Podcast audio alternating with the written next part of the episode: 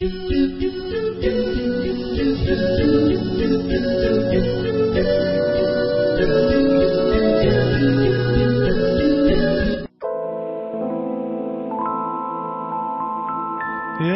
الأرواح يشفي الأتراح. هذا القرآن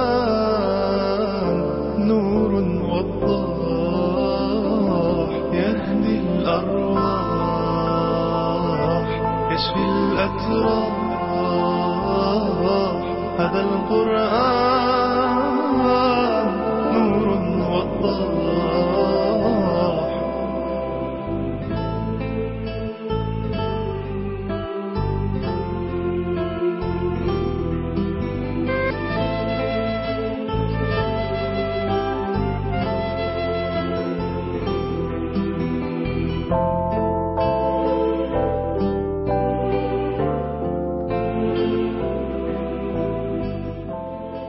بسم الله الرحمن الرحيم والحمد لله رب العالمين والصلاة والسلام على سيدنا محمد النبي الكريم وعلى آله وأصحابه أجمعين.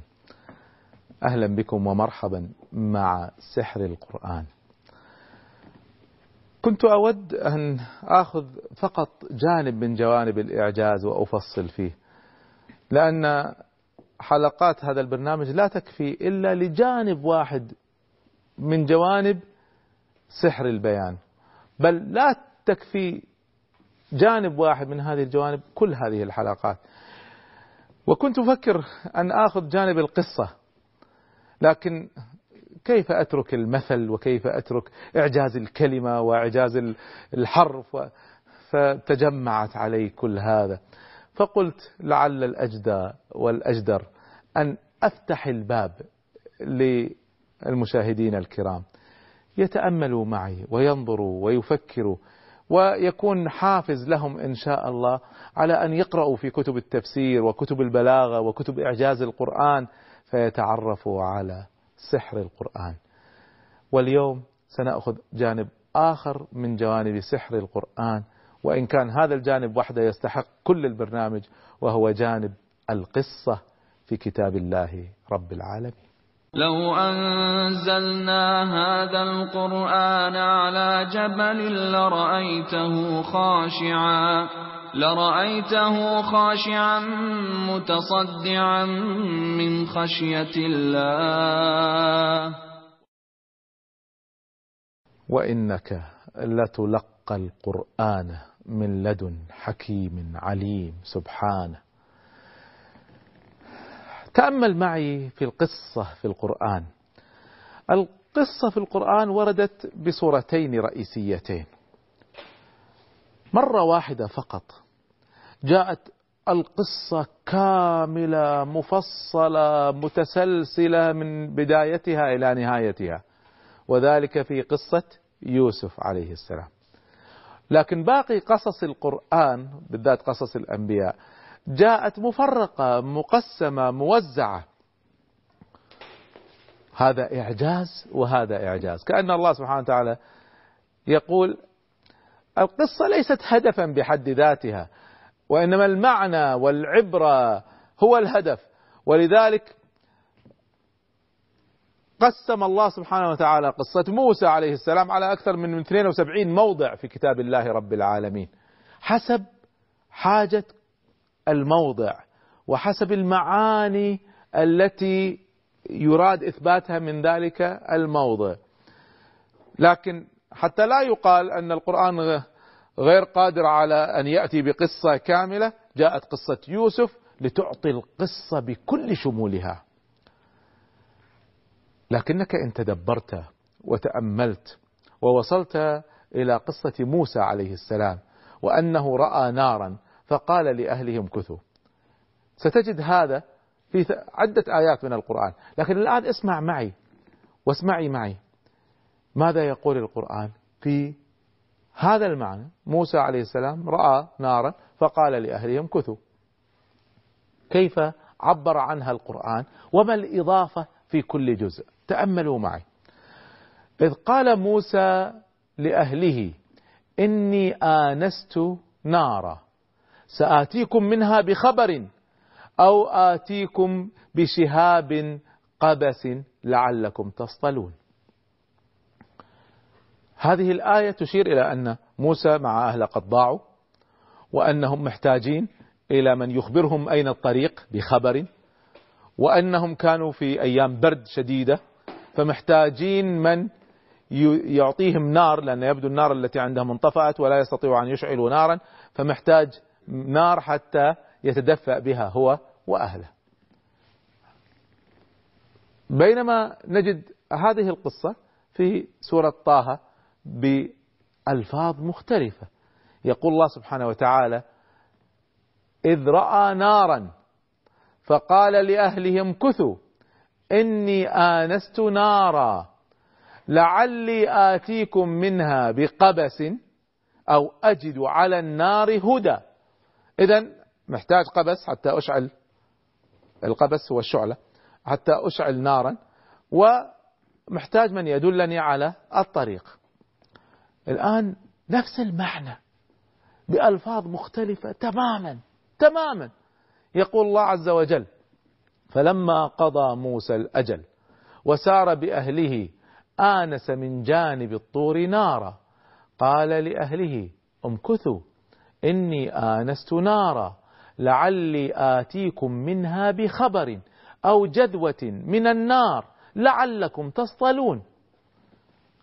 إذا نفس القصة نفس الموضوع نفس الخبر لكنه أعطي بصور مختلفة. طبعا بالإضافة إلى أن هذا بلاغة وبيان عجيب لكن لو تأملنا سنجد أن في كل قصة في إضافة تختلف عن القصة الأخرى. قبل أن نفصل في هذا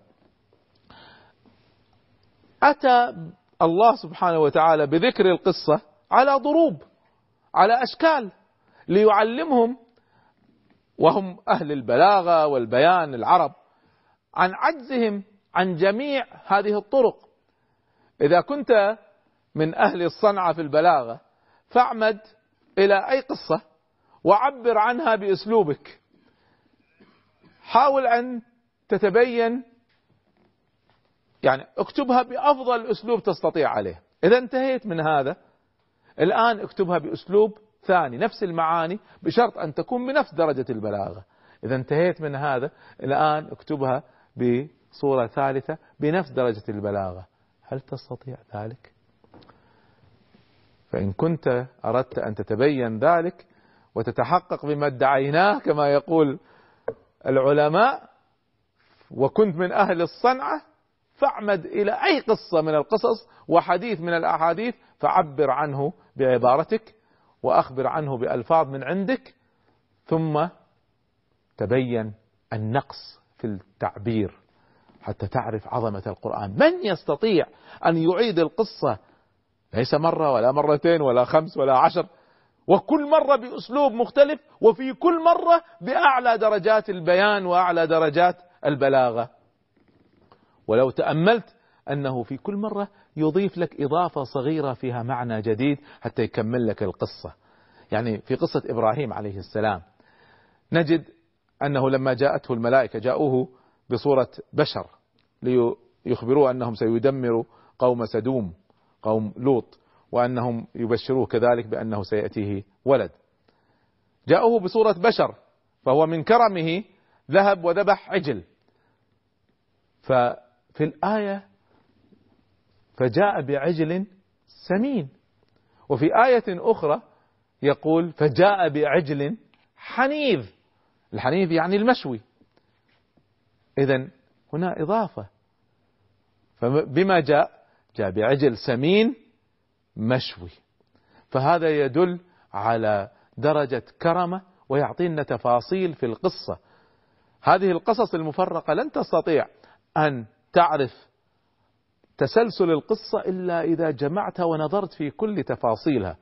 فالقرآن إنما يضرب لك القصة ليس لأجل القصة وإنما لأجل المعاني التي وراءها ثم يجعلك تفكر وتتأمل فتحاول أن تجمع القصة وترتبها. وهنا يتبين أهل العلم من غيرهم. تأمل كل هذا. ثم إذا قلت هذا أسلوب غريب. ألا يستطيع القرآن أن يأتيني بقصة كاملة؟ فيقول لك نعم.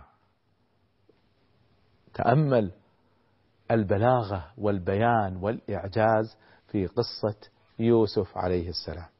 أحدثكم عنها بعد الفاصل إن شاء الله.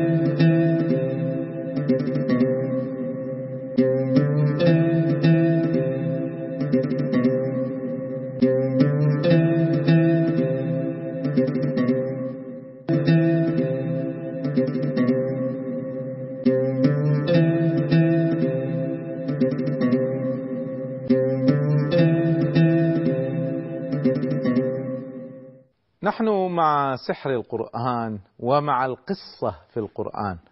تحدثت كثيرا عن القصص في القرآن وبالذات قصص الأنبياء ويصعب طبعا في حلقة واحدة أن أجمل الإعجاز الذي جاء في هذه القصص.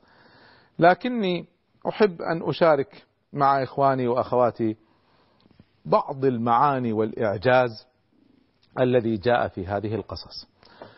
قصة يوسف عليه السلام هي القصة الوحيدة التي جاءت مكتملة من أولها لآخرها من قصص الأنبياء عليهم الصلاة والسلام. هذا الإعجاز الذي في قصة يوسف فيه رد على الذين يقولون أن القرآن ما يستطيع يأتي بقصة كاملة فجاءهم بقصة كاملة. قصة يوسف عليه السلام فيها إعجاز ليس فقط بحبكة القصة كما يقولون واكتمال كل عناصر البلاغة والبيان والإعجاز والفن في القصة القرآنية وإنما أيضا فيها الحكم والمعاني والمواعظ وتصحيح التاريخ الذي كان يظنه بنو إسرائيل. في في فيها كل هذا وفيها زيادة. دعوني أنتقل معكم إلى قصة سيدنا يوسف عليه السلام. وأحاول أن أستعرض معكم شيئا من إعجاز القرآن في قصة يوسف عليه السلام. طبعا حلقتنا قصيرة جدا فلن نستطيع أن نستعرض كل شيء. ولكننا نسير مع بعض في قصة يوسف عليه السلام. بسم الله الرحمن الرحيم. ألف لام راء. حروف مقطعة تتشكل منها هذه القصة. اعملوا مثلها إن شئتم. تلك آيات الكتاب المبين. إنا أنزلناه قرآنا عربيا. لعلكم تعقلون. قرآن عربي. أنتم أهل البلاغة وأهل البيان. هاتوا مثله. ثم بدأت القصة. الآن تبدأ القصة. طبعا أنا لن أقف على كل آية. هذا لا لا يمكن أن يكون في حلقة واحدة. إذ قال يوسف لأبيه يا أبت إني رأيت أحد عشر كوكبا والشمس والقمر رأيتهم لي ساجدين. نحن نمر عليه هذه أنها يعني تعبير بسيط. حاولوا أن تعبروا عن هذا المعنى بأسلوبكم بغير هذه الكلمات. وانظروا كم تحتاج من هذه الكلمات. تبدأ القصة وتسير وكلكم تعرفون قصة يوسف عليه السلام. أنا أريد أن أقف على بعض الآيات التي في هذه القصة. لما إخوة يوسف راودوا أباهم أن يأخذوا يوسف معهم فقال سيدنا يعقوب عليه السلام قال إني ليحزنني أن تذهبوا به وأخاف أن يأكله الذئب وأنتم عنه غافلون. يأكله الذئب وأنتم عنه غافلون كأنه هو الذي أوحى لهم بهذا. طبعا هذا يدل على كذبهم لأن لما جاءوا فيما بعد جاءوا وقالوا أكله الذئب. يعني شوفوا لكم حيلة أخرى غير هذه المسألة. طيب لما ذهبوا ورموه في الجب وإلى آخرة ماذا قالوا في نهايتها؟ قالوا يا أبانا إنا ذهبنا نستبق وتركنا يوسف عند متاعنا فأكله الذئب. وما أنت بمؤمن لنا ولو كنا صادقين. إذا هل هم صادقون؟ هم كاذبون إذا هم كاذبون. ولو كنا صادقين تدل على أنهم كاذبون. فعرف يوسف عليه السلام ذلك. ولو خاصة لما جاءوا على قميصه بدم كذب قال بل سولت لكم أنفسكم أمرا فصبر جميل. والله المستعان على ما تصفون. تستمر القصة لما بلغ يوسف أشده ويوسف عليه السلام يعني صار في بيت العزيز يقول الله سبحانه وتعالى ولقد همت به لما راودته امرأة العزيز عن نفسه. هذا المراودة وهذا الهم جاءت بأبلغ كلمات. هي الآن تريد الفاحشة تريد الزنا. انظر تعبير القرآن عن هذه الجريمة الخبيثة لو تقرأوا الإنجيل شيء مخ يعني سامحوني يعني تفصيل للعملية الجنسية في قصص يعني يستحي الواحد يقرأها لأولاده. انظروا الآن كيف يعبر القرآن عن هذه العلاقة الحساسة. وراودته التي هو في بيتها يعني ما قال ما قال وراودته امرأة العزيز يعني هنا تشنيع زيادة يعني هو ضيف عندك وأنت يعني مفروض تتولي رعايته. أتفعلي هذا؟ وراودته عن نفسه وراودته التي هو في بيتها عن نفسه. يقول أهل البلاغة لم يستعمل في لغة العرب هذا اللفظ من قبل. القرآن يأتي بإبداعات لغوية جديدة. لا يريد أن يعبر عن المسألة بتفاصيلها لأن فيها خزي وفيها إحراج. وفيها علاقات خصوصية. اليوم بعض الناس برامج تلفزيونية تناقش العلاقات الجنسية بتفاصيلها ولا جرائد ولا مجلات تفصل جريمة جنسية ولا ما هي ما يصح هذا. مجتمعنا يجب أن يبقى مجتمع نظيف راقي. لا نتحدث بمثل هذه المسائل وإنما عند الحاجة يتحدث بها المختصون مع المحتاجون.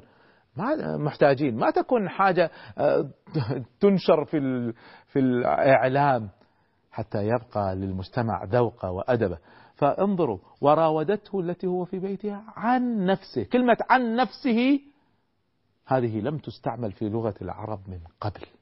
فأي إعجاز في هذا؟ ولقد همت به وهم بها لولا أن رأى برهان ربه. الآن لو قلت لكم أنا كنت ماشي وسقطت لولا أن أمسكني أحمد. هل سقطت؟ لم أسقط لأن أمسكني أحمد. طيب هم بها لولا أن رأى برهان ربه. هل هم بها؟ تهملوا معي. لم يهم. فهذا من المعاني الجميلة وإعجاز القرآن.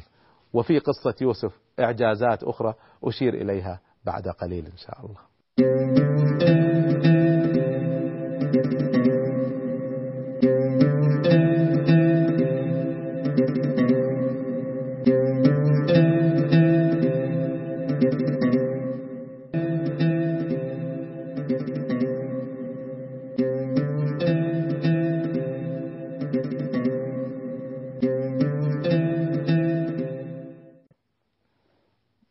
معكم ومع نبذات بسيطة جدا من قصة يوسف أريد أن أقف عليها. الله سبحانه وتعالى مدح يعقوب عليه السلام في قصة يوسف بأنه لذو علم لما علمناه وفوق كل كل ذي علم عليم. لماذا مدحه بالعلم؟ ارجعوا إلى قصة يوسف الآن واقرأوها من جديد. وانظروا كل مرة يتكلم يعقوب. ستجدوا شيئا عجيبا.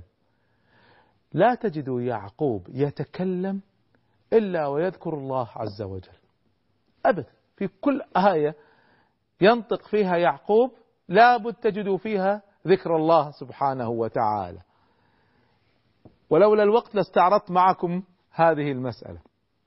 عجيب هذا عجيب. الله سبحانه وتعالى مدحه بالعلم لأن ذكر الله عز وجل دائما على لسانه.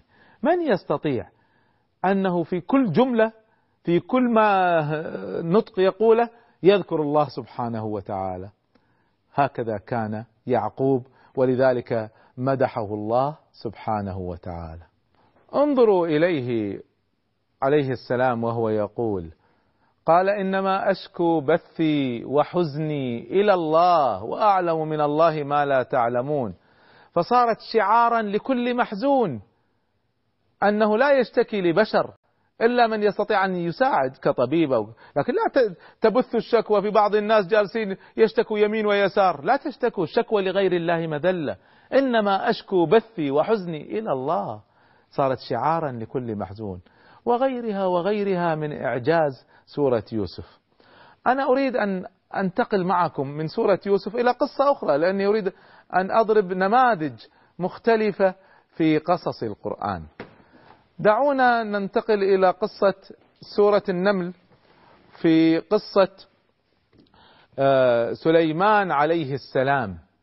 في قصة سليمان عليه السلام مع بلقيس. شوفوا الشيء العجيب هنا في اختصار القصة. بعدما ذكر قصة الهدهد وأخبر سليمان بهذه المرأة التي تملك اليمن وأنها تعبد هي وقومها الشمس من دون الله إلى آخره. شوفوا الآن اختصار القصة. اذهب بكتابي هذا فألقه إليهم ثم تول عنهم. فانظر ماذا يرجعون. أي اختصار كامل لأوامر سليمان عليه السلام للهدهد. الآن الكاميرا كما يقولون تنتقل من الموضع سليمان يكلم الهدهد فجأة وإذ بالكاميرا تنتقل أن ال- الهدهد وصل اليمن وألقى الكتاب وتفاجأت بلقيس بهذا الكتاب ففورا تنتقل الجملة إلى مشهد آخر لأن هذه التفاصيل الآن كلها لا داعي لها. الآن الحدث الرئيسي. سقط الكتاب على بلقيس تعجبت منه جمعت الملأ اللي هما أعيان القوم قادة الجيش وقادة الدولة. فورا شوفوا الآن النقلة القرآنية العجيبة. اذهب بكتابي هذا فألقه إليهم ثم تول عنهم فانظر ماذا يرجعون. قالت يا أيها الملأ طيب بين هذه وهذه هناك أحداث كثيرة حدثت. لكن القرآن يتجاوزها حتى يصل بنا إلى خلاصة المعنى. إني ألقي إلي كتاب كريم. إنه من سليمان وإنه بسم الله الرحمن الرحيم. ألا تعلوا علي وأتوني مسلمين. أي إعجاز حقيقة. يعني أي واحد له ذوق في اللغة العربية سيبهر أمام هالكلمتين. ماذا يقول الكتاب؟ بسم الله الرحمن الرحيم. إذا هو يؤمن بالله وأن الله سبحانه وتعالى هو الرحمن الرحيم. والكتاب فيه خلاصة الرسالة منه إلى بلقيس. ألا تعلوا عليه وأتوني مسلمين. طلبين. طلبين في الكتاب. الطلب الأول لا تعلوا علي. يعني اخضعوا لي اتبعوا ملكي وأتوني مسلمين. أسلموا لله رب العالمين. من يستطيع على مثل هذا؟ ولذلك القرآن يستمر في هذا الإعجاز. بعد ما شاورتهم قالوا أنت صاحبة الأوامر قولي. قالت إن الملوك إذا دخلوا قرية أفسدوها وجعلوا أعزة أهلها أذلة. وكذلك يفعلون. علق القرآن على كلامها. صحيح. أي إعجاز يتوالى في هذه القصص. اقرأوا. قصص القرآن واستمتعوا بقصص القرآن. إذا عرفتم حقيقة القصة ستتعاملوا مع القرآن بشكل مختلف. استمعوا بالذات إلى قصص الأنبياء فإنه سيفتح لكم أبواب من الفهم للقرآن تتلذذون بعده بالبيان لأنكم قد فهمتم المعنى. فتقفوا عند كل كلمة وعند كل حرف والقرآن فيه هذا السحر العجيب. سأنتقل معكم نقلة نوعية أخرى في حلقة قادمة مع سحر القرآن في بيانه المعجز سحر البيان. استودعكم الله. السلام عليكم ورحمة الله وبركاته.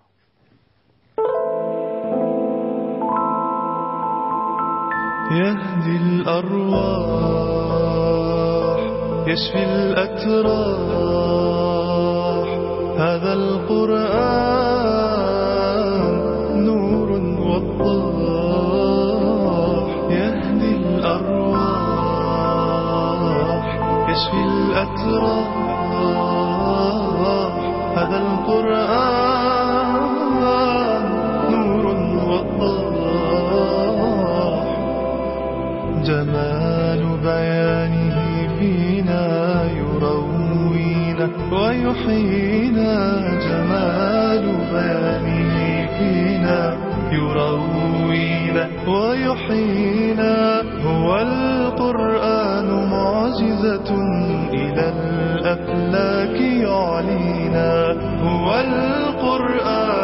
معجزة إلى الأفلاك يعلينا يهدي الأرواح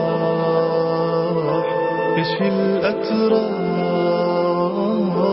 هذا القرآن نور وضاح يهدي الأرواح يشفي الأتراح. هذا القرآن